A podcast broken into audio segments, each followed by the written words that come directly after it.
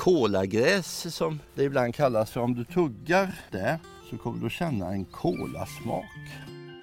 I ekhagmarken spelar naturligtvis eken huvudrollen när vi tittar på vad som växer och trivs här. Vi ser dem på långt håll där de reser sig och bidrar med sina mjuka runda former till landskapet. Men eh, när vi närmar oss så märker vi att det är en speciell växtlighet som trivs i de här miljöerna.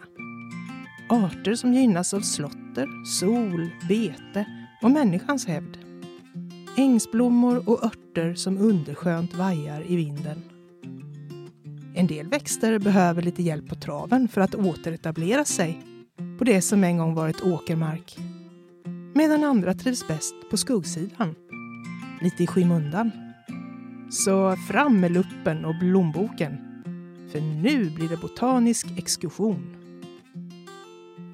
Ja, men den här naturen i ekhagmarkerna, man känner ju igen den från Astrid Lindgren-filmerna eh, och man tänker på de här stora pampiga lövträdsalarna, vajande gräs och vackra ängsblommor, buskarna i brynet och apeln som visar att här har varit mänsklig närvaro länge. Och med mig för att lotsa oss genom floran här i Västerby lövskogar har vi idag Kjell Antonsson. Hej Kjell! Hej! Kan inte du berätta lite grann om vem du är och vad du gör? Ja, jag är ju biolog på Länsstyrelsen Östergötland. När du kommer till ett sånt här naturreservat, vad förväntar du dig att se då? Ja, i och med att det är så variationsrikt här så kan man tänka sig att man dels hittar den här typen av ängs och hagmarksväxter som vi har pratat en del om. Och sen när man kommer in i mer lundartad miljö då, då kan man ju kanske hitta vårärt, vippärt, tandrot och en del av de här sällsynta lundgräsen som strävlosta och eh, skugglosta och sånt där. Det låter väldigt spännande. Men för visst är det väldigt artrikt just? Att det är en väldigt stor mångfald i, i ett sånt här område? Ja, de har ju lyckats väldigt fint från reservatsförvaltningen och eh, med att skapa den här variationsrika miljön. Och jag tror att det är, är på sätt och vis lätt lättare när man kommer ifrån en igenvuxen miljö. Då kan man öppna upp lite här och var, göra en äng. Man kan eh, skapa ett mellanläge, lite halvöppen miljö och man kan också försöka omvandla åkermark till ängs och hagmarker. Så att man har stora möjligheter. Jobbar man ifrån en granplantering till exempel så tar det mycket längre tid att skapa en sån här miljö. Här har man grunden i botten och sen kan man då experimentera lite grann och skapa fram de här olika fina öppna och halvöppna miljöerna. Vad är det för förutsättningar som har påverkat växtligheten här allra mest tror du? Ja, det är människans eh, mångtusenåriga hävd på olika sätt. Förr i världen var det ju väldigt mycket slåtterängar och sen på senare tid betesmarker. Så det är det som har satt sin prägel. Hur ser du att den här miljön är påverkad av av människans framfart? Ja, det ser jag på en sekund här genom att titta på de här ekarna. De är ju alltså spärrgreniga. Grenarna går rakt ut på de nedre grenarna. Och då ser man att det här har varit ett öppet landskap under mycket lång tid. När man får se vildapel, hagtorn, nyponbuskar och så vidare, då är det också ett människopräglat landskap utav bete och slotter. Så att eh, den här marken har varit slåttermark under kanske flera tusen år. Sen har vi på senare tid då minskat ner slåttermarken till promille av vad det en gång var. Och då är det så att de här markerna betas företrädesvis. Om man överhuvudtaget har dem öppna för de mesta har ju övergått i ren skog nu.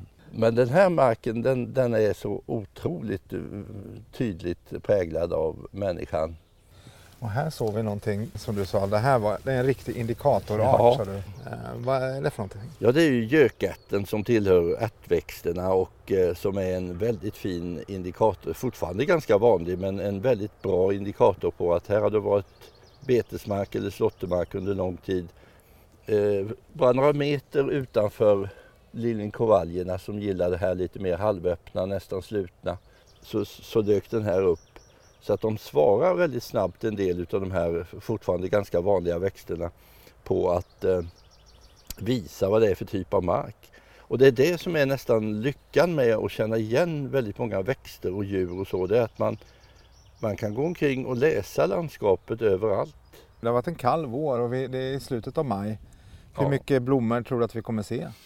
Ja, det har ju kommit upp ganska mycket. Sipporna är ju nästan överblommade och maskrosorna är igång. Och vi ser ju att gökärten blommar så att lite finns det. Men, men det är absolut senare. Jag gissar på att det är både en och två veckor senare. Men vi får titta vidare här. Det gör vi. Det är ju någon form av ängsmark här. Är det, men det liknar nästan en gammal åkermark, är det det? Ja, det här är uppenbart en gammal åkermark och det är lite intressant. Man tror ju då att om man slutar ha den som åker så blir det så småningom en ängsmark. Men det tar faktiskt någonstans mellan 50 och 100 år innan ängsmarken, eh, betesmarken blir eh, fullmatad med de arter som finns i en, i en betesmark som har varit betad hela tiden. Om vi, om, vi, om vi står här och tittar, om vi står ute på den här gamla åkern som håller på att bli en ängsmark här och bara tittar in mot det här reservatet och det är ju fullt med träd och olika sorters träd. Om du bara spanar in här, vad, vad är det du ser för någonting? Ja, vi har ju ett fågelbär där, eller det som vi kallar för körsbär då. Eh, sötkörsbär och sen har vi vildaplarna som vi pratade om innan. Sen har vi rönnen och så fantastiskt mycket ek i olika åldrar. Vad som är väldigt viktigt här nere det är ju de här blommande buskarna och träden som vi har. Nypon där, hacktorn där uppe och vildapel är också en väldigt viktig växt i det här sammanhanget för just småkrypen. Att de har eh, eh, mat i, i, tidigt på året här. Så att eh, det här är en väldigt varierad och fin ekhagmark. Dessutom börjar ju ekarna att komma upp lite i ålder här. De äldsta är ju någonstans mellan 100 och 150 år. Och värdena på en ek utifrån eh, lavsynpunkt och insektssynpunkt de brukar dyka upp ungefär när de är 150 år. Så att nu, nu håller den här ekhagen på att forma sig till en riktigt värdefull miljö alltså. Ja, vi kan knalla vidare. Nej men här ser, kommer vi ännu längre ner på den här restaurerade ekhagen och här ser vi då just det här mellanläget mellan en öppen ekhagmark och eh, en, en eh, sluten sådan. Och här ser vi hasselbuketter som har stått länge öppna. Vildapel igen men vi såg också björk nu och eh, oxel. Så här har nog varit öppet under längre tid kan man säga. Och det, just den här variationen är viktig också. Ju mer olika buskar och träd man har, desto större variation får du i den biologiska mångfalden. Och när vi sen blickar ner på marken, då dyker det plötsligt upp då riktigt mycket utav ängs och hagmarksindikatorer. Gullviva, jungfrulin lite längre fram, lite mer utav gökärten som vi såg tidigare. Knippfryle, vårbrodd, blåsuga och kanske till och med kattfot på någon torr kulle. Så att det här eh, ser riktigt fint ut. Vilken är de mest spännande arterna här tycker du? Som du... Ja, jungfrulinen eh, har ju gått tillbaka väldigt kraftigt. Så att den får man ju räkna som den sällsyntaste utav de vi ser här då. Men vi hade även ängsviol här som är en fin art och som bara vill ha såna här öppna betade marker. Men det tar så pass lång tid alltså att ta sig här. Är, vi pratar ju 20 meter Ja. emellan. Det tar så pass lång tid för de här arterna att börja röra sig ut i den gamla åkermarken. Nej, eh, det går fortare. De, de första guldvivorna har ju redan börjat komma in på, på den där. Utan jag talar om när den här åkermarken är, full av ängs och hagmarksindikatorer. När den liksom är återställd i ett, till ett hagmarksskick. Mm. Men invandringen börjar ju på direkten här med att de eh, börjar komma in på kanterna och, och etablera sig. Och ju magrare det är, du har ju som en liten kulle där ute, den, den går snabbare. Ja men berätta nu, nu har vi kommit upp bara några höjdmeter här i den här slotterängen och du blev helt eh, lyrisk och skuttade fram här mot en eh, art. Vad var Ja. det för någonting? Det var ju svinroten eh, som är så väldigt stark indikator på just slåttermark. Jag visste ju inte ens riktigt vad slåtterängen var men det här visar ju att det är här slåtterängen är. Och eh, det kan så småningom bilda hela mattor utav svinrot ju mer man slår ängen. Och sen ska man helst ha en ganska öppen äng för att de ska trivas mycket bra. Svinroten är ju väldigt lätt att känna igen på sina blad. Men det finns en växt då, svartkämpa, som är ganska lika den. Men då bryter man bara bladet så ser man den här mjölksaften komma fram. Och då vet man att man har hittat eh, eh svinrot. Mm. Vi såg ju även gott om blåsuga, gökat igen, jungfrulin hade vi tidigare och sen hade vi då vårbrodd som är det här gräset här. Eller kolagräs som det ibland kallas för. Om du tuggar där så kommer du känna en kolasmak. Vad smakar? Ja. Och det är ju också en väldigt rolig sak att, att gå omkring och veta. Där är vårbrodden, då kan jag få lite kola här istället för att åka till lösgodisbutiken. Så. Undrar ifall barnen blir nöjda med vårbrodd? Ja, det tror jag. På lördag? det hoppas jag. Är det någonting som du saknar här? Var, är det någon art som du liksom, den här skulle jag vilja se? Ja, nu är det så pass tidigt på våren än så, och det är ganska sent i år så att jag tror att det kommer att komma upp eh, kanske slåtterfibbla, slåttergubbe. Det som skulle göra den här ängen ännu bättre det är att man öppnar den lite ytterligare så man kan liksom, man behöver inte ta bort säljen där utan man tar bort tre stammar av den säljen så skuggar det lite mindre. Tunnar du lite grann? Ja, och tukta, det ser vi redan att de har gjort det. De tuktar hasselbusketterna så att de, det blir lite ljusare. Ljuset ska komma ner i ängen, det är det som är grejen. Sen ser man när det växer igen då så ser man hur eh, efter 100 år eller 50-100 år då ser man hur ekarna börjar resa upp sina grenar mer i riktning mot himlen för att nå ljuset. Så att man kan direkt läsa vad det här är för typ av mark och hur mycket det har präglats av människan genom att titta på, på de här ekarna. Ja, här är rena djungeln här inne. Ja. Man kommer från det här öppna och så blir det en helt annan stämning. Ja, ja det är häftigt det här när man kommer in i en lund verkligen för det märker man också direkt att nu då blir det vitsippor och så. Det här, ser vi lite mossor och annat som börjar liksom i den här skugga delen av, av eh, det här området. Ja, på stenar och sånt, ja, ja. just det. Annars är det ju märkligt nog tomt på mossor på botten. Mm. Och det är det att um, sipporna tar över helt och hållet. På våren när det inte är löv, då blommar ju de. Då får man den här så kallade våraspekten. Mm. Då blommar de och därför tar de över marken. Så på marken har du nästan inga mossor märkligt nog. Men på stenarna har du ju för där kommer, kan inte växterna växa. Mm. Men sen, när du kommer in när det är lite ljusare då kommer ju gräsen och tar över helt och hållet. Mm. Vad är det för gräs? Lundgrö är ju en väldigt dominant art i sådana här lite halvskuggiga miljöer. Och sen är det ju säkert in, införsel ifrån åkrar och ängar här med ängsgrö och alla möjliga gräs. Och här har vi ett som vi kan artbestämma. Bergsloken kommer ju tidigt. Bergslok gillar sådana här skuggiga miljöer. Och det är ett, ett enda litet grässtrå, eller där sticker upp ja. Ja, men den här är skapligt lätt att lära sig som de här dropparna som är utefter hela, jämt efter hela. Det finns ju karlslok, lundslok och, och, och gruslok och bergslok. Karlslok är ju du och jag. Ja.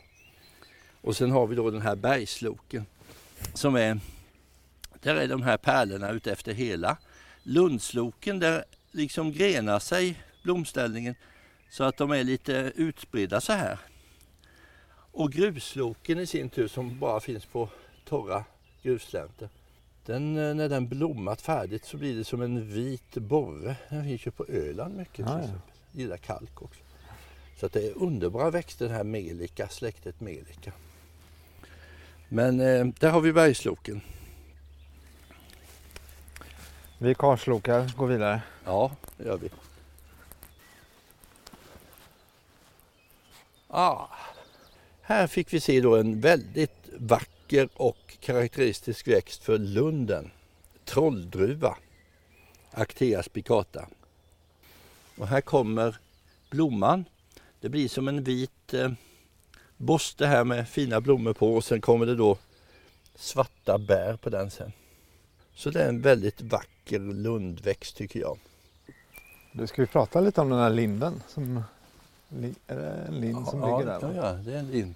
Den har, eh, den har vuxit här på berget och fällts i någon storm antar jag. Men den lever fortfarande. Ja. Det är ett av våra verkliga odödliga träd. Det är nästan omöjligt att ta livet av en lind. De är ju fantastiska på det viset att de, en, en gammal hamlad lind till exempel då faller. Då kommer det upp skott ifrån den på grenarna och stammarna och så småningom när det har multnat ner så etablerar sig den där, den där lindskotten i marken och så fortsätter linden att växa. Det betyder att en sån här gammal stubbe kan ju vara flera tusen år gammal medan grenarna och de här skotten är ju inte så gamla alls men själva trädet är väldigt gammalt. Och det är ganska typiskt både för ängs och hagmarker och de här rika miljöerna som vi är i här att, att vi har lind. Den, den är ju verkligen en karaktärsart för södra Sverige. Den finns ju inte norr om eh, Dalälven. Här har vi en fuktindikator, kärrbräsma, som eh, visar att här har vi ett eh, ett vattendrag som går in här. Och förmodligen kan det till och med vara så att det finns en källa eh, uppe i bergskanten här som, som rinner, sipprar ner genom marken. Och så småningom blir det som en liten bäck här nere. Och då dyker den här kärrbräsman upp. I sådana här miljöer finns ju också guldpudran som är en litet solsken som står och lyser med gula blommor. Men jag ser ingen här just nu. Men den finns här säkert i trakten. Nej men det här var riktigt skojigt att se. Mm. Eh, för att eh, här finns då kombinationen av lite mer sluten ängs och hagmark. Lite halvöppen som börjar bli perfekt för lågräsfjäril. Så har vi då slåtterängen här. Och så småningom kommer den här åkermarken att bli en jättefin betesmark. Så att eh, det här är ett riktigt mångsidigt, mångfacetterat naturreservat som är jättekul att det håller på att utvecklas åt det här hållet. Så om man vill lära sig mer om hur svensk hagmark såg ut förr, då ska man kunna ta sig hit, ta med sig sin lilla fältflora och botanisera? Absolut. Ja, meter för meter håller slotterängens vackra blommor på att återerövra mark som har varit åker och monokultur. Vissa arter kommer snabbt och andra tar tid på sig. Och genom att fortsätta med slotter och bete bidrar vi med att bevara den vackra gläntan och ängen i vår ekhagmark. Alla är de pusselbitar i känsliga ekosystem som vi är satta att skydda och bevara. Vilka urtypiska ekhagsväxter känner du igen på din nästa utflykt?